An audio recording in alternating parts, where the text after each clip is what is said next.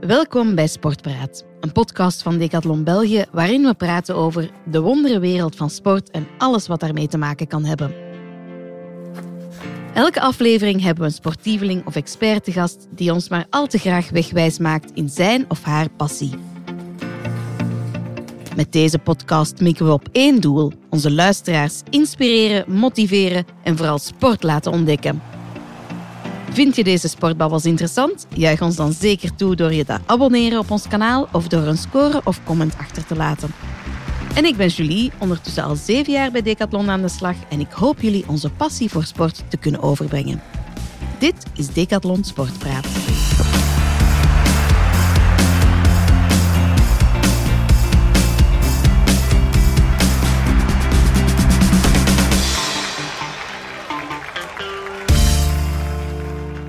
Vandaag heb ik niet één, maar twee gasten in de studio. Welkom, Chloe en Marie. Hey. Hallo Julie. Ehm, ja, we hebben Chloe, die zit recht tegenover mij. Um, Chloe, jij bent mama van twee, um, van Marie en Felix. Je werkt bijna tien jaar uh, voor Decathlon. en je bent talent acquisition manager, leader uh, voor de Aglo Limburg. Um, en je bent ook coach in de CrossFit Full Force, personal trainer, um, ook vooral op vrouwen en onder andere ook pre- en postnataal. En je hebt een master LO aan de KU Leuven. En um, je bent een Franstalige in Limburg. Is dat een goede samenvatting van wie Chloe is? Ja, perfect. Dankjewel. En dan hebben we links naast mij Marie zitten. Uh, Marie, je bent twee jaar intussen um, bij Decathlon aan de slag als social media leader, maar daarnaast ben je ook zelf personal trainer. Je bent sport- en gezondheidsinfluencer op je kanaal um, op Instagram um, News of Greens.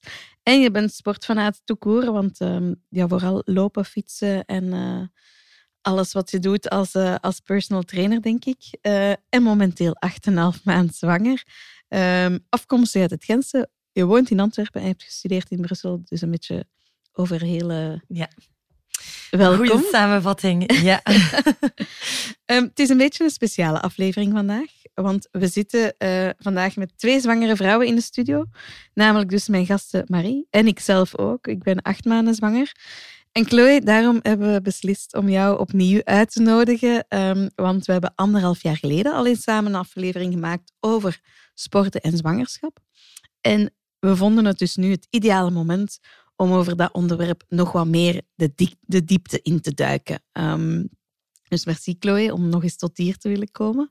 Dat is heel graag gedaan. Bedankt om mij terug uit te nodigen. Yes. Ja, we hebben het dus over sporten tijdens en na de zwangerschap. Maar Chloe, jij zou eigenlijk misschien eerst willen starten met sporten voor de zwangerschap. Um, want je begint je zwangerschap liefst in een fit lichaam natuurlijk. Ja, klopt, inderdaad. Uh, toen dat jij begon over eh, welke, welke stappen of wanneer, dacht ik van ja, we mogen, mogen zeker ook niet het effect van een, ja, een fit lichaam voordat je eigenlijk aan een, een zwangerschap begint onderschatten.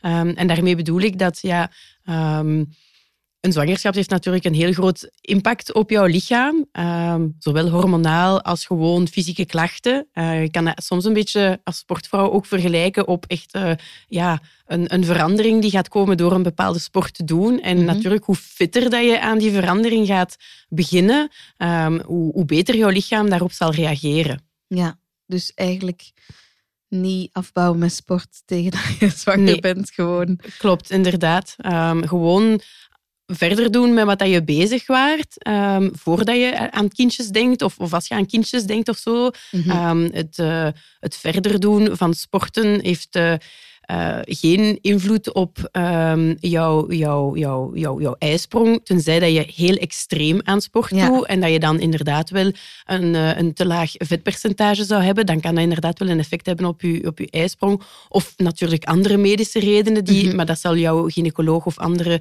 begeleidende artsen wel op adviseren. Maar als je er eigenlijk vanuit kunt gaan dat je een, ja, een gezonde en zonder medische problemen, kan je zeker uh, wat dat je op voorhand deed, verder blijven doen. Mm -hmm. Oké. Um, de vorige aflevering hebben we het vrij algemeen over, over zwangerschap en sport gehad. Daarom dat ik vandaag een beetje in de diepte wou duiken, zo, zoals ik al zei. Um, en dus ja, wou ik het eigenlijk hebben over een de verschillende fases in zwangerschappen en wat het er wel en niet kan wanneer. Want iedereen heeft er zijn eigen mening over. We gaan het ook vandaag hebben over onze eigen meningen. Um, er gaan misschien nog mensen ons tegenspreken. We willen hier vooral onze ervaringen delen. Um, maar we gaan het dus hebben over die sport tijdens de zwangerschap. Het moment dat je zwanger bent. Ja, zwangerschappen worden vaak ingedeeld in drie trimesters.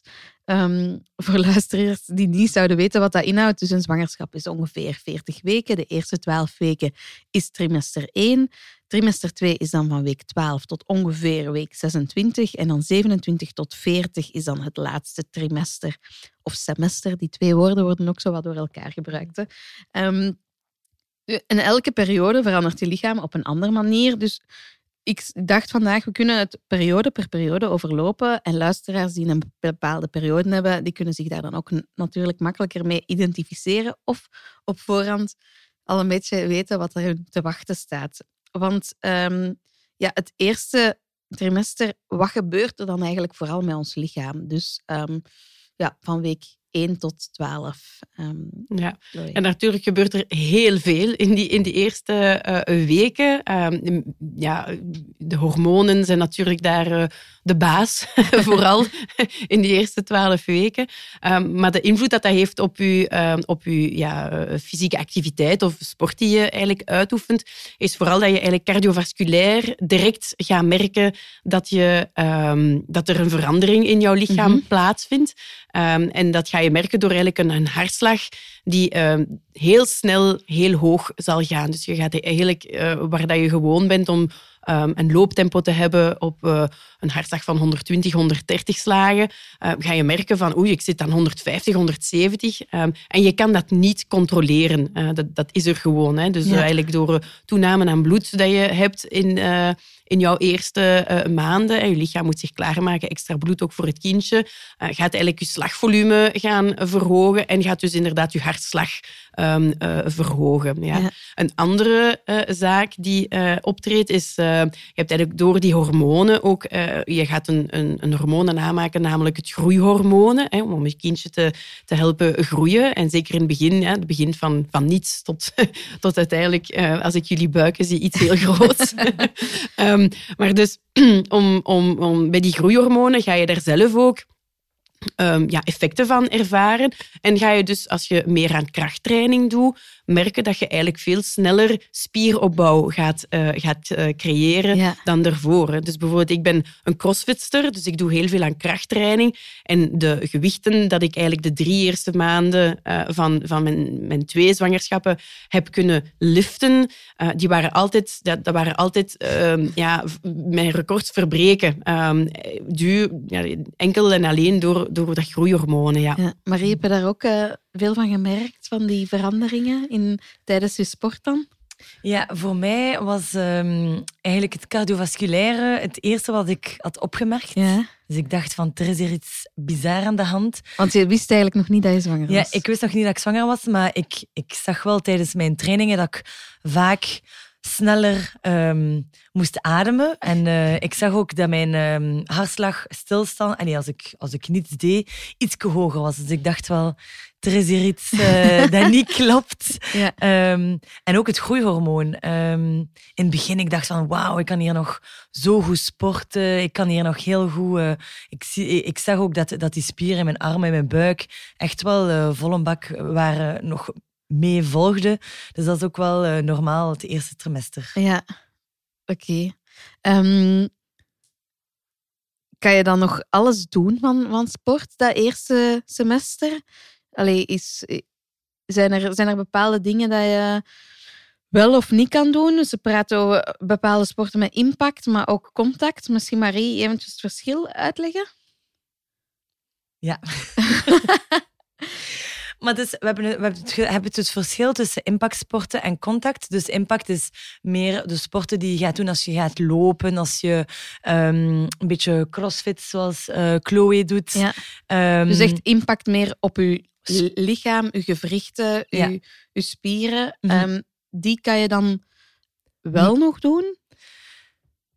Die kan je wel nog doen, maar je gaat zien dat je met het trimester met de trimesters die voorbij gaan gaan, dat dat iets moeilijker gaat zijn. Dus mm -hmm. je gaat oefeningen moeten doen, een beetje aanpassen. Dus je gaat minder uh, een workout doen met minder uh, jumps. Je gaat minder uh, misschien iets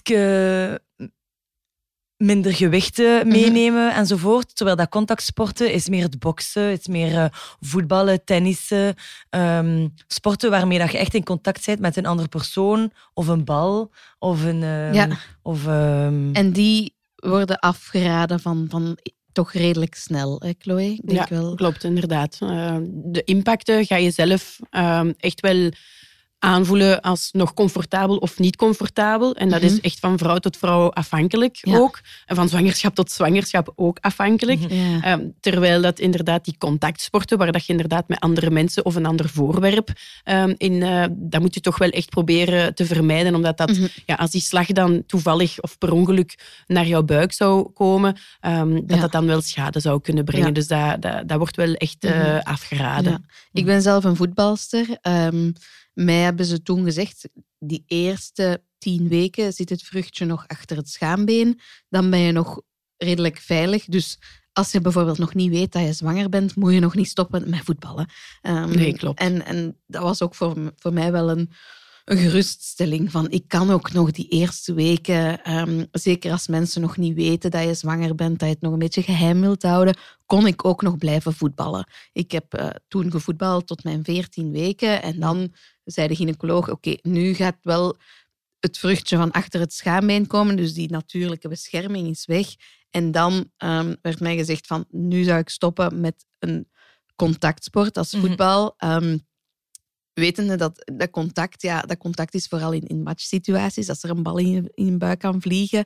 Ehm, je kan in principe nog wel gewoon op een veld lopen en, en pasjes geven aan elkaar. Dus als je training zou worden aangepast, kan, kan dat wel nog.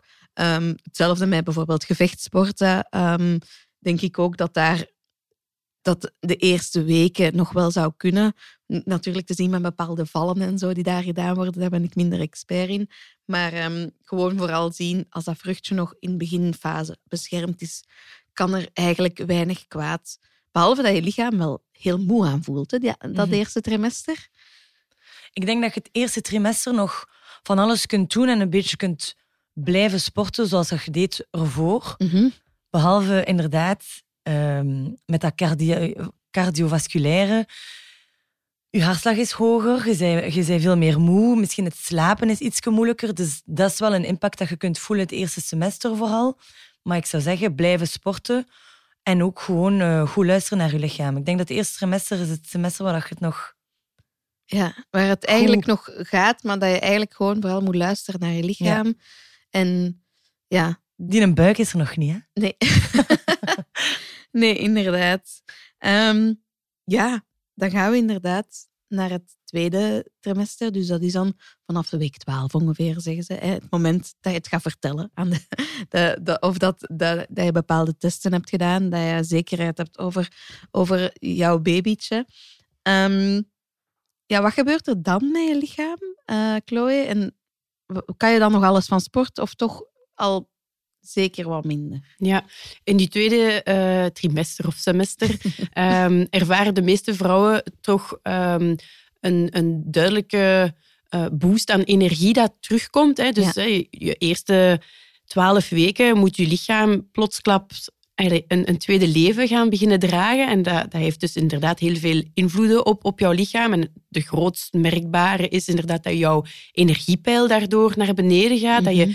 ofwel heel moe bent eh, door eh, al die veranderingen, maar natuurlijk ook sommige vrouwen komt daar ook nog eens de misselijkheid bij eh, kijken. Check.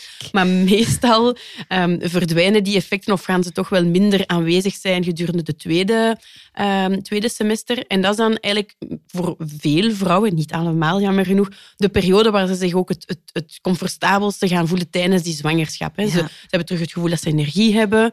Ehm, die buik, zoals dat Marie net zei, is nog niet te prominent aanwezig, waardoor dat je eigenlijk nog heel veel bewegingsvrijheid hebt. Mhm. Ehm, waardoor dat het eigenlijk in die periode ehm, ideaal is om, om zeker verder te doen met wat je ervoor deed, Of dat het zelfs kan dat je een andere sport zou willen leren kennen, ehm, die dan misschien, als je ervoor niet echt aan een bepaalde sport deed, die, die wat aangepast is aan uh, je zwanger lichaam. Hè. We denken dan meer aan, aan, aan um, bewegingen waar, waar, dat die een buik uh, ondersteund wordt, zoals bijvoorbeeld in het water uh, sporten tijdens zwangerschap, is ideaal.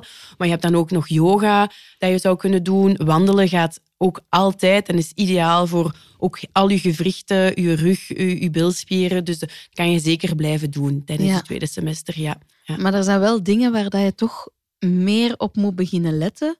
En dan ga ik het specifiek hebben over de buikspieren. Ehm, ik zie Marie hier lachen, want ehm, ik zit momenteel in mijn tweede eh, zwangerschap. En ik, ik wist eigenlijk niet, ze hebben mij altijd wel een beetje gezegd, de dokters, um, vroedvrouwen, van hey, probeer je toch op je, op je zij te draaien als je um, wilt opstaan uit je bed en je opduwen met je armen en niet meer op je buikspieren trekken. Wat gebeurt er met die buikspieren tijdens een zwangerschap als die baby begint te groeien? Ja, die zitten daar. Je hebt de rechte buikspieren, scheve buikspieren, schuine buikspieren. Um, wat gebeurt er juist met die buikspieren eens dat die baby begint te groeien? Ja, dus naarmate dat, dat de baby groeit, de buik wordt groter, dikker, ja, Ja. dikker, groter. En dus eigenlijk die middenbuikspieren gaan zich ook uitzetten en dus ze gaan een beetje uit elkaar gaan. Ja. Dus eigenlijk om te vermijden dat die buikspieren te veel dat we te veel aan die buikspieren gaan trekken, zeggen we altijd van ja, het is beter om die binnenbuikspieren minder te gebruiken en echt te focussen op de, de, de, de zij, de schuine buikspieren eigenlijk aan die core. Dus um, toen Julie me zei van ja, en ik zie dan uh, een soort van uh, piramide, of um, hoe noem je jij dat? Uh, ik, ik noem dat mijn hanenkam. Ja. De hanenkam. Dus echt het puntje van je buik. Dus het moment dat, je, dat de baby een beetje vorm begint te krijgen en dat, allee, dat vooral je, je buik begint Mhm. dikker te zijn, als je dan op je voorste buikspieren, dan sta, stond mijn buik dus effectief in, in een puntje, wat ik best grappig vond, maar blijkbaar was het dan toch Dat niet zo. Niet zo grappig. dat is eigenlijk de brug tussen de twee rechte buikspieren die zich eigenlijk gaat uitzetten en een Ja. beetje een soort van piramide gaat, gaat vormen. Dus het is de bedoeling om die piramide zo weinig mogelijk te zien en eigenlijk oefeningen te, te, te doen waar dat je die piramide minder ziet. Dus belangrijk om die, we zeggen altijd hug, de, hug your belly, dus goed je, je, je, je buik een beetje samentrekken. Het is belangrijk om echt goed die zijspieren te gebruiken, maar ook belangrijk om, ze, om de buikspieren niet gewoon te laten rusten. Want uh, iemand heeft mij ooit gezegd, als je zwanger bent en je zegt van ik gebruik de buikspieren niet meer, dat is, like, dat is gelijk dat je je arm in, een, um, in, de, in de plaaster gaat zetten. Dus dat is niet de bedoeling om eigenlijk je, je buikspieren vol een bak uh, te laten rusten, maar echt hoe ook de, de zijspier, buikspieren te gebruiken en ook um, te focussen op die billen en die uh, benen. Dus hoe sterker die billen, uh, hoe sterker ook dat je die rug gaat maken. Um, en hoe vlotter ook dat je de baby gaat kunnen dragen. Want die baby wordt zwaarder en zwaarder, mm -hmm. wordt zwaarder voor de rug. Dus als je goed werkt aan die, aan die billen en die zijspieren en die core, hoe gemakkelijker dat je gaat kunnen blijven wandelen, uh, recht staan, lang ook. Um, dus voilà, heel goede tip. Ja. Die buik niet in de in de, in de plaaster nee, te laten. buik in de plaaster. Dus wel blijven gebruiken, maar oppassen met de voorste buikspieren. Mm -hmm. um, Chloe, ik weet niet of dat je gewoon het, ja, het woord diastase, dat is dan het gevaar dat je dan zou daarmee kunnen blijven sukkelen. Ja, klopt, inderdaad. Dus uh, als je dan te veel die rechte buikspieren gaat blijven belasten mm -hmm. met de baby die in de buik is en dus uh, druk zet ook mee hè, op die ja, buikspieren. Door bijvoorbeeld gewoon in je bed, ja. uh, als je recht staat, gewoon op, uh, ja, van, van plat naar rechtop liggend gaat, zonder op je zij eerst. Ja, inderdaad. Mm. Dat je echt uh, op die manier zou recht staan. Hè, maar um, het kan ook zijn dat je dan, als je bepaalde uh, bewegingen nog doet, bepaalde fysieke activiteiten, dat je dat ook gaat merken. Bijvoorbeeld als je een plankhouding ja. gaat doen en je gaat dan eigenlijk zien dat ehm, ja, die, die of dat, dat, dat teuteke, ja. noemde ik daar ook te, tegen, um, aanwezig is. Dan weet je dat je inderdaad wat extra druk bent aan het zetten op die rechte buikspieren. En dat het dus beter is dat je dan iets gaat zoeken waar dat je dat ehm, wat kunt verminderen. Mhm. Ehm, want dus nadien, na, dus tijdens de zwangerschap, ga je daar op zich geen last van, van ondervinden. Het is iets grappig, hè, maar that's it. Maar het risico is natuurlijk dat eens dat de baby eruit is en ja, dat die eh, buikspieren zodanig uit elkaar zijn gegroeid dat die ook niet meer terug naar elkaar gaan toegroeien. Ja, en Ja. waardoor, dan is er eh, eigenlijk een, een, een maatstaf om te meten of dat het te erg is of niet, is het aantal vingers dat er dan eigenlijk, hè, dus die twee rechte buikspieren, moet dat echt, eh, het is niet voor niets dat we dat eh, in Frans de tablette de chocolat noemen. Dus dat zijn twee reepjes na elkaar met blokjes onder elkaar, die spiergroepen. En tussenin zit er nog een streep. Ja. En als die streep dan verder en verder uit elkaar gaat groeien, gaat die op den duur ook na je zwangerschap niet meer naar elkaar kunnen toegroeien, waardoor dat je, je, je rechte buikspieren ja, ja, hun, hun, hun nut en hun functionaliteit niet meer hebben. Nee. En ik kan, ja, iedereen weet dat buikspieren natuurlijk heel belangrijk is voor eh, een, een goede houding, eh je rug te beschermen en dergelijke meer. Ehm, daarom is het heel belangrijk om die tijdens de zwangerschap ook ehm, in je achterhoofd te houden van ja, inderdaad buikspieren blijven oefenen. Uh, maar er zijn ja, zoveel verschillende manieren om die te oefenen, waar dat je eigenlijk op een veilige manier Mhm. bezig gaat zijn en waar dat je dus nadien geen... eh, als je dat al kunt vermi- eh, vermijden Ja. na je, je, je bevallingen, na je zwangerschap, dan is dat toch wel de moeite waard. Ja. Mhm. Dus ik onthoud zeker niet stoppen met, met je volledige buikspieren ehm, te gebruiken tijdens sporten of tijdens het doorgaanse leven. Ehm, maar wel oppassen met die middenste buikspieren. Proberen eraan te denken om die iets minder te belasten door bepaalde trucjes. Door erop te letten dat je niet ehm, Ja. met die piramide zit. Ja, klopt, Ja, inderdaad. Of de Ja. oefeningen aan te passen. Ja. Mhm, En dan sterke benen en sterke rug. mhm. Ik weet niet of dat jullie daar nog tips voor hebben, of dat dat gewoon bepaalde oefeningen zijn die dat je dan eh, extra zou kunnen doen. Of... Ja, ik ben super fan van, eh, van die booty exercises. Dus eh, deadlifts, squats, ehm, meer ehm, bredere squats. Ik denk dat dat echt wel de, de, de oefeningen zijn die je kan blijven doen tijdens de zwangerschap. Ook gewoon goed om die spieren, die bilspieren echt ehm, goed sterk te maken. Om die rug en die buik te ondersteunen, zoals ik zei. Eh, voor mij zijn dat, de, dat zijn mijn favorietjes. Spreekt de... Voor de douche, voor de douche, Ja. terug eh, tien keer. Ja. Dan zeg ik altijd tegen mijn vriendinnen, moet ze altijd lachen van Marie zit weer te sporten voor haar douche. Maar als de douche koud is, je wacht 20 secondjes, dan kunnen 20 secondjes squatten of tijdens tanden poetsen. Heel goede tips. Die neem ik mee, die neem ik mee. Alright, en dan zijn we ehm, aan het laatste semester, hè, vanaf week 27. Ehm, ja, dan zit die buik daar effectief. Ehm, wat gebeurt er dan nog met je lichaam? En ja, wat kan je dan nog doen? Mhm. Ja, in die derde trimester ja, bereidt je lichaam zich natuurlijk voor op, op die finale, ja, eh, finale spurt hè, Mhm. die eraan gaat komen. Finale eh, wedstrijdmomenten. Voor mij is, is sport centraal in mijn leven. Dus ik heb mijn, mijn, mijn zwangerschappen heel vaak ehm, ingedeeld als een sportwedstrijd of een voorbereiding naar een bepaalde wedstrijd. Ehm, en wat dat er is, is natuurlijk in die, in die laatste semester ehm, is, is ja, de buik is dan de bepalende factor hè, eh, van, bepaalde, van bepaalde bewegingen. Dus je hebt wel veel minder bewegingsvrijheid.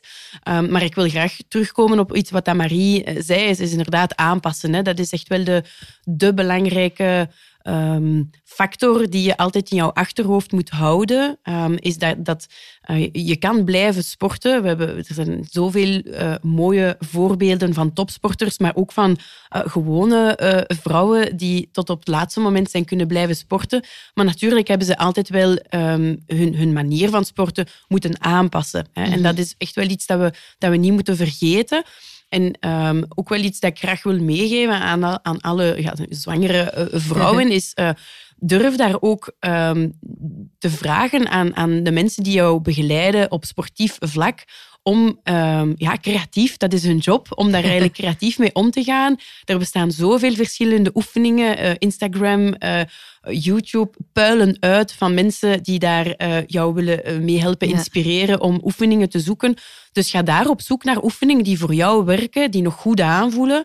Ehm, de ene persoon gaat wat meer last hebben van de onderrug, de andere gaat wat meer krampen hebben aan de voorkant van de buik. En in functie van wat dat jij voelt in jouw lichaam, is het soms wat meer aangeraden of gaat die oefening juist wel aangenaam aanvoelen en de andere niet. Mhm. Ehm, en dat is een zoektocht. En een zoektocht dat, dat, jij moet doen. Maar ik vind ook dat we naar de mensen die eigenlijk ja, zich sportcoach noemen uh, en die daarvoor gestudeerd hebben, ook wel mogen, mogen challengen om, om te gaan zoeken naar wat dat voor jou op dat moment lukt. Ja, mhm. en dat is een beetje wat dat misschien nog wat ontbreekt in bepaalde teamsportverbanden.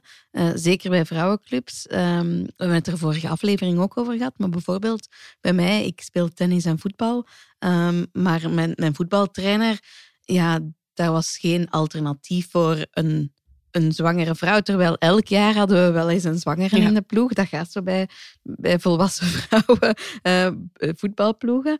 Um, en ja, het was dan een gewoonte, inderdaad. Vanaf dat je die, die contacten um, het risico hebt, dan, dan stop je met voetbal.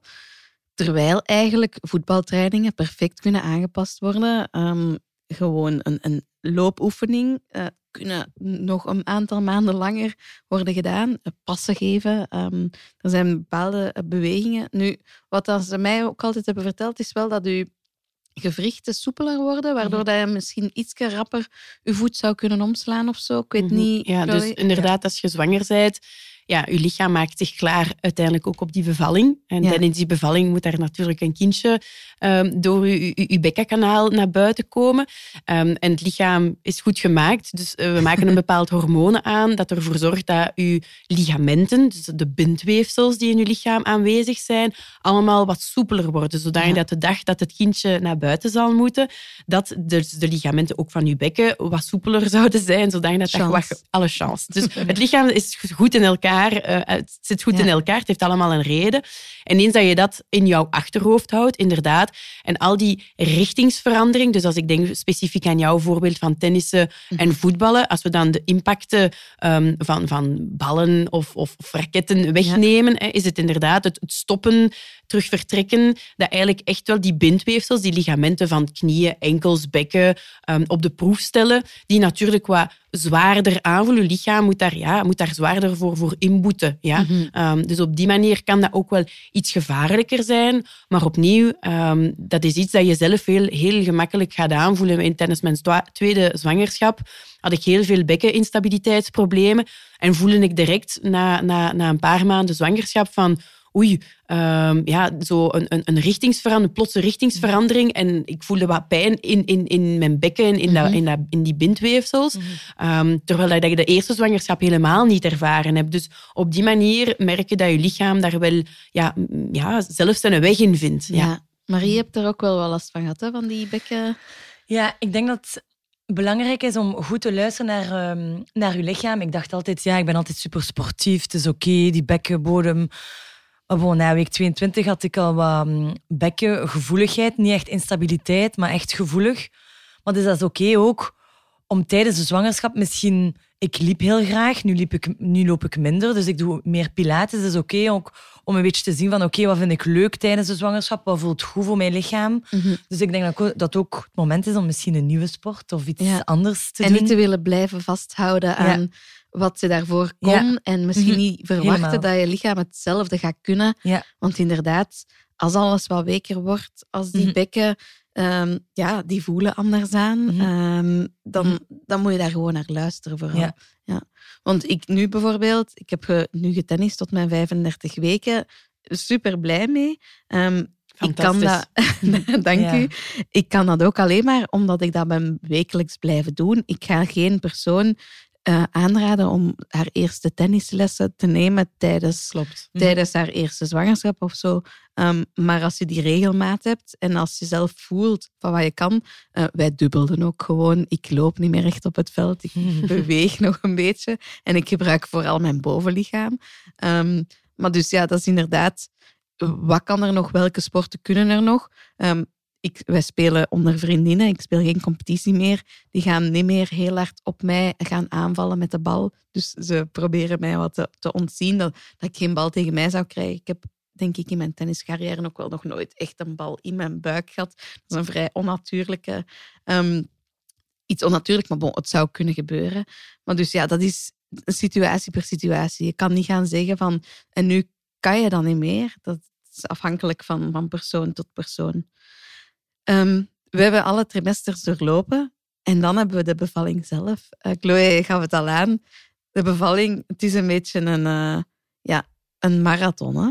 Ja, toch wel. Ja, ja, of toch een 10 kilometer wedstrijd, welk mm -hmm. niveau je ook uh, hebt van, van lopen. Maar het is, het is een wedstrijd. Het is een wedstrijddag, ja. ja, ja. Ik, ik, vergelijk dat wel graag op die manier. En ja, Julie en, en, uh, en Marie, jullie zijn nu alle twee bijna allez, in de laatste weken hè, uh, aan het inzetten. En ik vergelijk dat inderdaad graag met um, hoe dat iemand zich uh, tijdens zijn twee of zijn laatste week voor zijn wedstrijddag zou voorbereiden. Dat ga je natuurlijk ook nooit doen door extra zware trainingen te gaan doen. Dus het is heel belangrijk om eigenlijk naar, naar gelang dat de, de bevallingsdatum uh, toenadert, dat je daar ook um, in de juiste condities uh, gaat stellen. En daar is eigenlijk een hele belangrijke in, en dat is rust.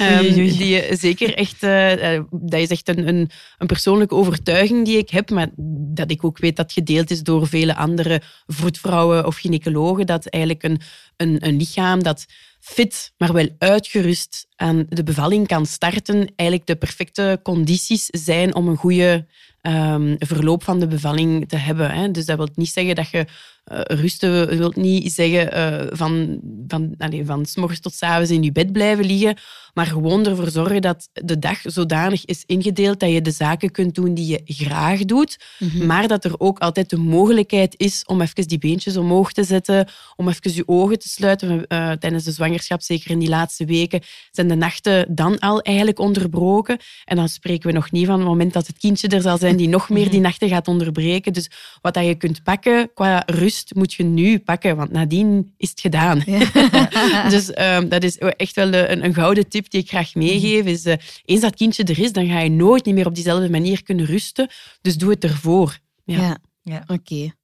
Ons voorbereiden alsof dat we inderdaad uh, voor die, die loopwedstrijd en de, ook de juiste voeding, vermoed ik. Ja. Of toch iets niet niet te zot gaan doen. Nee, inderdaad, de voeding we hebben we het niet echt over gehad, maar doorheen heel de zwangerschap um, ja, ervaren de meeste vrouwen ook wel dat hun voedingspatroon en hun, hun, hun goestingen ook wel gaan, mm -hmm. gaan veranderen. Ik ben absoluut geen voedingsexpert, um, dus ik, ik, het enige um, tip dat ik daar rond zou, zou willen delen is ja, goed luisteren naar jouw lichaam. In de zin van uh, als je echt wel voelt dat je bepaalde uh, noden hebt in jouw voeding, dat je daar ook wel aan kunt toegeven. Mm -hmm. um, zeker als het gaat over bepaalde vetten. Hè. Vetten zijn echt wel bewezen heel voedzaam voor, voor de baby, terwijl dat suikers eigenlijk ja, echt een, een, ja, nog altijd wel heel fastfoodachtig zijn. Dus de baby is daar niet echt heel veel mee, terwijl ja. de vetten wel. Um, dus denk daar gewoon eens over na, alvorens dat je iedere keer gaat toegeven aan een bepaalde craving van ja, heb ik dit nu wel echt nodig? Ja. Hè? Of heb ik gisteravond misschien slecht gegeten en heb ik vandaag dus wat, wat meer ja, nood om, om, om, om, om, om ja, wat bij te tanken ja. eigenlijk. Um, dus uh, dat is de enige tip dat ik eigenlijk uh, zou willen meegeven. Ja. Mm -hmm. En dan hebben we ja, na de bevalling, die eerste weken, um, wat, wat kan je doen? Of wat, wat kan je al direct doen van sporten? Zijn er bepaalde spieren dat je direct terug uh, moet mee aan de slag gaan? Um... Ja, opnieuw denk ik dat na de bevalling het heel belangrijk is dat, dat je je verwachtingen echt gaat aanpassen aan je wedstrijddag. Dus hoe dat de bevalling is geweest. Ja. Opnieuw, hè. was het een zware bevalling? Was het een vlotte bevalling? Was, heeft de bevalling lang geduurd? En hoe, hoe gaat het met het kindje? Ja. Um, enfin, al die factoren gaan ervoor zorgen dat je ja, snel of minder snel aan, aan jouw herstel gaat kunnen, kunnen starten. Mm -hmm. um, dus wees daar ook um, ik weet dat veel ziekenhuizen zo een, um, een geboorteplan uh, mm. voorstellen van ja. ik zou, of geboortewens, ja. dat je dan eigenlijk kan, kan, aangeven van ik zou graag dat het je geboorte dus of zo zou verlopen. Ja. Ik kan me niet inbeelden dat één vrouw haar wens heeft zien. dus dat verloopt altijd anders, maar dus ook voor na de bevalling gaat het waarschijnlijk helemaal anders verlopen dan je verwacht had. Dus hou dat zeker in je achterhoofd en begint u niet... Um, te, te slecht te voelen als je na zes weken nog altijd geen zin hebt om te sporten. Eh, je, je hebt, jouw leven wordt zodanig hard op zijn kop gezet dat dat volledig normaal zou kunnen zijn. Maar evenzeer iemand die, uh, zoals Marie, altijd super sportief is geweest, dat die misschien al na vier weken die kriebels voelt van ja, mag het nog niet of dergelijke meer. En dan de enige gouden tip dat ik daaromtrent zou willen uh, toegeven is um, ja, er is een, een, een, gouden regel van zes weken die, die, ik toch wel ook aanraad om te respecteren. Ehm, na de bevalling eigenlijk, om ervoor te zorgen dat ja, al je organen ook terug op hun, hun, plaats zijn gekomen. Dat je toch wel afwacht om die eerste check met de gynaecoloog na de bevalling gehad te hebben. Want het kan goed zijn dat jij jou goed voelt, maar dat het er intern toch nog wel meer schade aanwezig is dan je zou verwachten. Mhm. Ehm, maar eens dat die dan voorbij is, um, weet je wel hoe, waaraan en, en waaraf, zeg maar. Ja. Um, en jou goed te laten begeleiden door, um, door kinees of de gynaecologen of, mm of dergelijke meer, om dan aan jouw herstel, jouw revalidatie te beginnen. Ja. En mhm. dan hebben we het, ja, de bekkenbodemspieren. We hebben het daar nog niet echt over gehad van tijdens de zwangerschap, maar ja, ik denk dat dat toch een van de eerste dingen is die je terug begint ja, te trainen. Um, weet niet, Marie, of dat jij bekkenbodemspieren um, nu al hebt ondertussen onderhouden? Ja, ik probeer de um, bekkenbodemspieren zo goed mogelijk te onderhouden tijdens de, um, tijdens zwangerschap. Ook ervoor, zoals dat Chloe ook zei in het begin van kunt je lichaam ook al voorbereiden op een zwangerschap? Um, dus voor mij die core stability is ook helemaal deel van die bekkenbodemspier. Dat is mhm. allemaal, dat is allemaal één, één pot nat. ja, ja, um, dus ik denk, um, ik wil ook meegeven, elke vrouw is anders. Dus je gaat ook uw vriendin gaat misschien vroeger beginnen dan u met eh, terug te sporten enzovoort. Mm Maar als je voelt en als je de juiste oefeningen al wat kent om die bekkenbodemspieren te gebruiken, kun je dat al voor je check met de gynaecoloog al misschien stilletjes zijn al uh, beginnen te gebruiken en een beetje te voelen hoe dat aanvoelt. Wandelen is denk ik ook altijd een goed idee. Mm um, dus voilà, beetje bij beetje elke vrouw is anders en kijk vooral naar jezelf. En voor degenen die het misschien niet zouden weten, wat, wat is een bekkenbodemspier, Chloe? Ja, een bekkenbodemspier is dus, uh, ja, um, eigenlijk, ik vergelijk dat graag met een, een netje of een, een trampoline eigenlijk. Um, dat eigenlijk um, al jouw ingewanden gaat ja, mee ondersteunen. Mm hè? en dat zijn eigenlijk ik weet het niet meer van buiten, maar ik denk dat het een, een stuk of veertien verschillende spieren zijn die deel uitmaken van die bekkenbodemspier. En dat gaat van ja, de sluitspier aan jouw anus tot helemaal van voor aan, aan eigenlijk de, de sluitspieren van, van, uh, van uw urineleider. hè? Mhm. Dus, en al daar rond, dat zijn dan eigenlijk die bekkenbodemspieren, ook rond uw vagina. Hè? Um, dus dat zijn superbelangrijke spieren. Dat zijn spieren die ja, toch wel zeer zwaar afzien tijdens mhm. zowel de, de, de zwangerschap. Want uiteraard, die baby die met de zwaartekracht duwt op dat netje. Mhm. En ieder impact dat je krijgt, is een impact op um, die bekkenbodem. Dus daar wordt die af en toe al wel wat verzwakt. En dan zeker tijdens die bevalling, waar dat je eigenlijk ja, uh, met volle kracht je, je, je kindje mhm. naar buiten gaat persen. Um, we hebben het dan ook niet bij complicaties waar dat er eventueel ja, moet geknipt worden of, of gescheurd wordt. Um, kunnen de bekkenbodemspieren daar ook wel um, door ja, verzwakt worden. en dat is, het is heel belangrijk, maar dat is een spier zoals een andere, zoals een biceps of een quadriceps, die ja, door revalidatie terug wel getraind kan worden. Er zijn natuurlijk uitzonderingen bij uh, extreme gevallen waar, waar, waar dat de, schade te groot is. En mhm. dan moet er inderdaad via een, een, een ingreep um, verholpen worden. Maar voor de andere um, is het eigenlijk door naar de kine te gaan, die jou dan specifieke oefeningen gaat geven. Net hetzelfde als jou, jou, jouw enkel zou verzwikken, mhm. dan zouden eigenlijk de, de ligamenten en de spieren van die enkel uitgerokken zijn geweest. En wel, dat is hetzelfde met dat trampolinetje, met die, um, met die bekkenbodem, die zijn ook uitgerokken. En die kunnen we door middel van oefeningen terug gaan activeren en dat die terug hun plaats gaan vinden en hun, um, hun, ja, hun tonificatie, hun activiteit gaan vinden.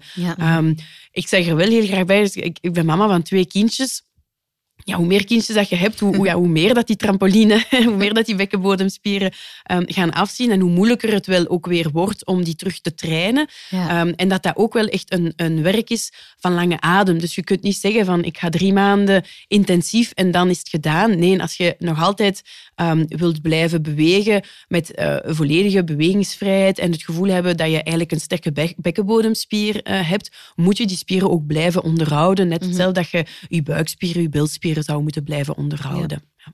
Hebben jullie zelf een, uh, een tip voor een bekkenbodemspieroefening of eentje waar dat jullie dat doen of, of dat jullie een, een ik heb wel um, voor, voor mezelf, eigenlijk als ik in de auto ben op autostrade, dan, um, dan doe ik dat niet altijd, maar wel heel vaak. Dan doe ik van de ene lantaarnpaal naar de andere lantaarnpaal. En dan, heb ik, dan begin ik eerst van oké, okay, even houden en terug lossen, houden, lossen. En dan als ik dan op dreef ben, dan ga ik wat, wat gaan variëren. Dan ga ik eigenlijk een soort piramideke doen. Van oké, okay, mm. ik ga uh, uh, van die lantaarnpaal tot de volgende lantaarnpaal. Wat meer focus op de voorkant. Mm -hmm. Of focus op de achterkant. Ofwel heel hard opspannen en dan helemaal niks. Ofwel heel hard en dan nog een klein beetje houden en dan lossen. Ja. Um, maar eens dat je op dat niveau bent, moet je eerst wel bij um, de kine geweest ja. zijn. Ik raad ook echt aan om kines te zoeken die daar echt wel in gespecialiseerd zijn.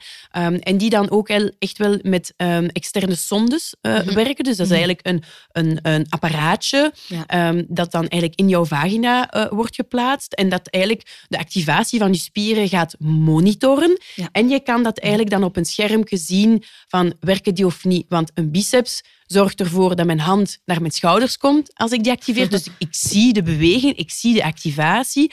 Terwijl bij een bekkenbodemspier, ja, je voelt of ziet amper iets, ja, ja, ja. of niets zelfs. Dus die, die, die sonde is echt wel een hele goede feedback om te zien van, ja, ben ik eigenlijk goed bezig, ja of mhm. nee? En eens dat dat onder controle is, dan kan je eigenlijk ja, daarmee gaan spelen. Mm. Maar evenzeer weet ik dames die dat doen als ze hun tanden poetsen um, of, of, of als ze uh, aan het werken zijn of ja. dergelijke meer. Dus, uh, maar dat is een beetje een, een, een, weg die je zelf gaat moeten vinden. Ja, mm -hmm. ja, ja, ik heb het zelf ook gehad dat, uh, dat ze eigenlijk heel, allez, heel hard beschadigd waren of toch heel ik weet niet hoe dat noemt, uitgerokken. Of toch, en ik heb zelf zeven maand uh, kine nodig gehad. Dus ik zou het ook iedereen aanraden om zeker naar die kine te gaan. Mm. En eventueel een gespecialiseerde. Dat was bij mij ook, zodat ik kon zien. Want ik ben iets minder uh, als jullie fitnessmatig aangelegd. Dus ik, ik weet ook niet goed hoe dat al mijn mm-hmm. voetballen op een veld of tennissen, dat zijn andere technieken. Dat is, dat is minder gefocust op bepaalde spiergroepen. Dus ja, ik heb moeten leren ook hoe dat ik die moest aantrekken en wanneer ik iets juist deed. En als jij hier nu praat tegen mij, ik kan voor en van achter apart beginnen aantrekken en zo zelfs. Allee, dat, is, dat is mm -hmm. inderdaad technieken dat je wel moet leren. Um, dus luisteraars die zouden twijfelen, zeker naar een, ja. uh, naar een gespecialiseerde kine gaan um, die je daarin kan begeleiden. Ja. Um, Oké, okay, dan hebben we de bekkenbodemspieren gehad. wanneer zou je dan terug beginnen lopen? Ik weet niet. Ja, Chloe, jij bent, jij bent ja. natuurlijk... Marie is nog niet bevallen, dus nee. ik denk dat we het van jou moeten ja. horen. Hmm. Wat is nu het moment? Ja. Is dat dan na die zes weken dat je op het gemak Ja, ik denk vooral dat we inderdaad geen, allee, geen regel nee. moeten, moeten hanteren. Ik denk dat dat superbelangrijk is, dat dat, dat, dat, dat duidelijk is voor iedereen, mm -hmm. dat dat anders is. Maar vanaf het moment inderdaad dat je wel groen licht hebt van uh, de mensen die jou begeleiden daarin, zijn de, jouw gynaecoloog en jouw kine um, qua bekkenbodem, um, en dat je zelf ook terug het gevoel hebt dat je energie hebt. En laat ons niet vergeten dat je ondertussen s'nachts een aantal keren waarschijnlijk gaat moeten opstaan. Mm. Um, dat je, ja, dat je um, ja, het huishouden daar erbovenop, eventueel een ander kindje dat nog thuis rondloopt, ja. dat je ook nog de aandacht moet krijgen. Dus um, ja, je moet zelf eerst aan voelen dat je daar echt wel energie voor hebt en wilt aan uitgeven, want dat is energie dat nadien niet naar iets anders kan gegeven worden. Dus dat is echt wel een, een dilemma waar dat je voor staat van in hoeverre wil ik investeren of kan ik investeren op dit moment om die energie aan iets anders te doen. En dat is ook iets dat we um, niet per se ervoor gezegd hebben, maar wat heel belangrijk is, uh, door eigenlijk de, de steun van je partner en de mensen die rondom u zijn, ook wel op voorhand goed af te spreken van, van ja, uh, dat je ook wel die momenten nodig gaat hebben en die steun nodig gaat hebben om aan dat herstel terug te beginnen. Ja. Dus ehm, om terug te beginnen lopen. Ik ken, ik ken mensen die inderdaad na zes weken terug zijn beginnen lopen, maar ik ken ook andere mensen ehm, die pas na zes maanden pas terug echt hun eerste looppasjes uh, hebben terug kunnen zetten. Um, dus dat is zeer afhankelijk. Ja. ja. Er is niet echt een vaste regel. Oké, okay, Marie, we zullen daar even ja. in ons achterhoofd houden. Goede partner, goede regels zetten. Ja, klopt. Dat onthoud ik ook. ja, dus ja, mijn volgende vraag. Wanneer ben je terug de oude? Dat is ook afhankelijk van persoon tot persoon, ga ik dan vanuit.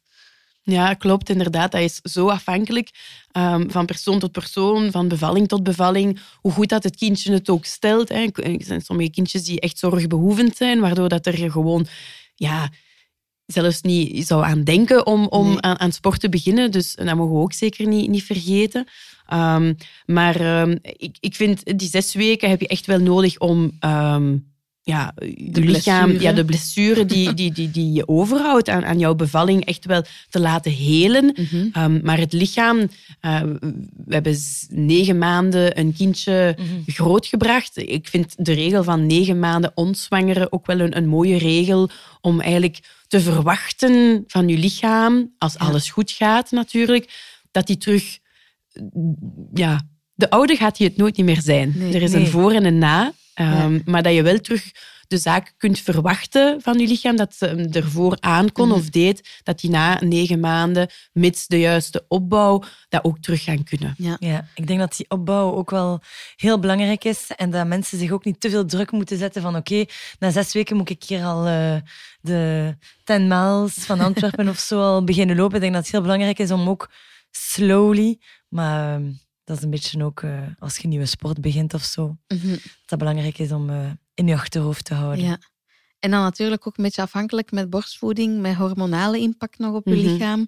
Dat kan ja. dan ook nog verschillen. Ja, ja, ja. Uh, borstvoeding en, en, en, fysieke activiteit is echt wel iets dat ja, nog niet echt zo goed gekend of er is niet zoveel veel onderzoek of, of, of bepaald um, informatie over is. Dus zelf heb ik daar echt wel een, een, een bepaalde zoektocht in, in moeten doen bij, bij het komst van, van, uh, van Marie, van ons eerste kindje. Uh, waar dat ik eigenlijk heel snel ook het, de behoefte voelde om terug uh, heel actief um, te gaan sporten. Mm -hmm. En dat, um, dat die combinatie van eigenlijk inderdaad veel sporten en borstvoeding, dat dat eigenlijk een, een, een, een, een explosieve combo is om aan, aan, aan calorieafbraak um, uh, te doen. Hè. Dus ja, door iedere borstvoeding dat je geeft, geef je zoveel calorieën weg. En dan nog, nog eens um, eigenlijk gaan sporten, geef je ook nog heel veel calorieën weg hè, die je gaat verbranden.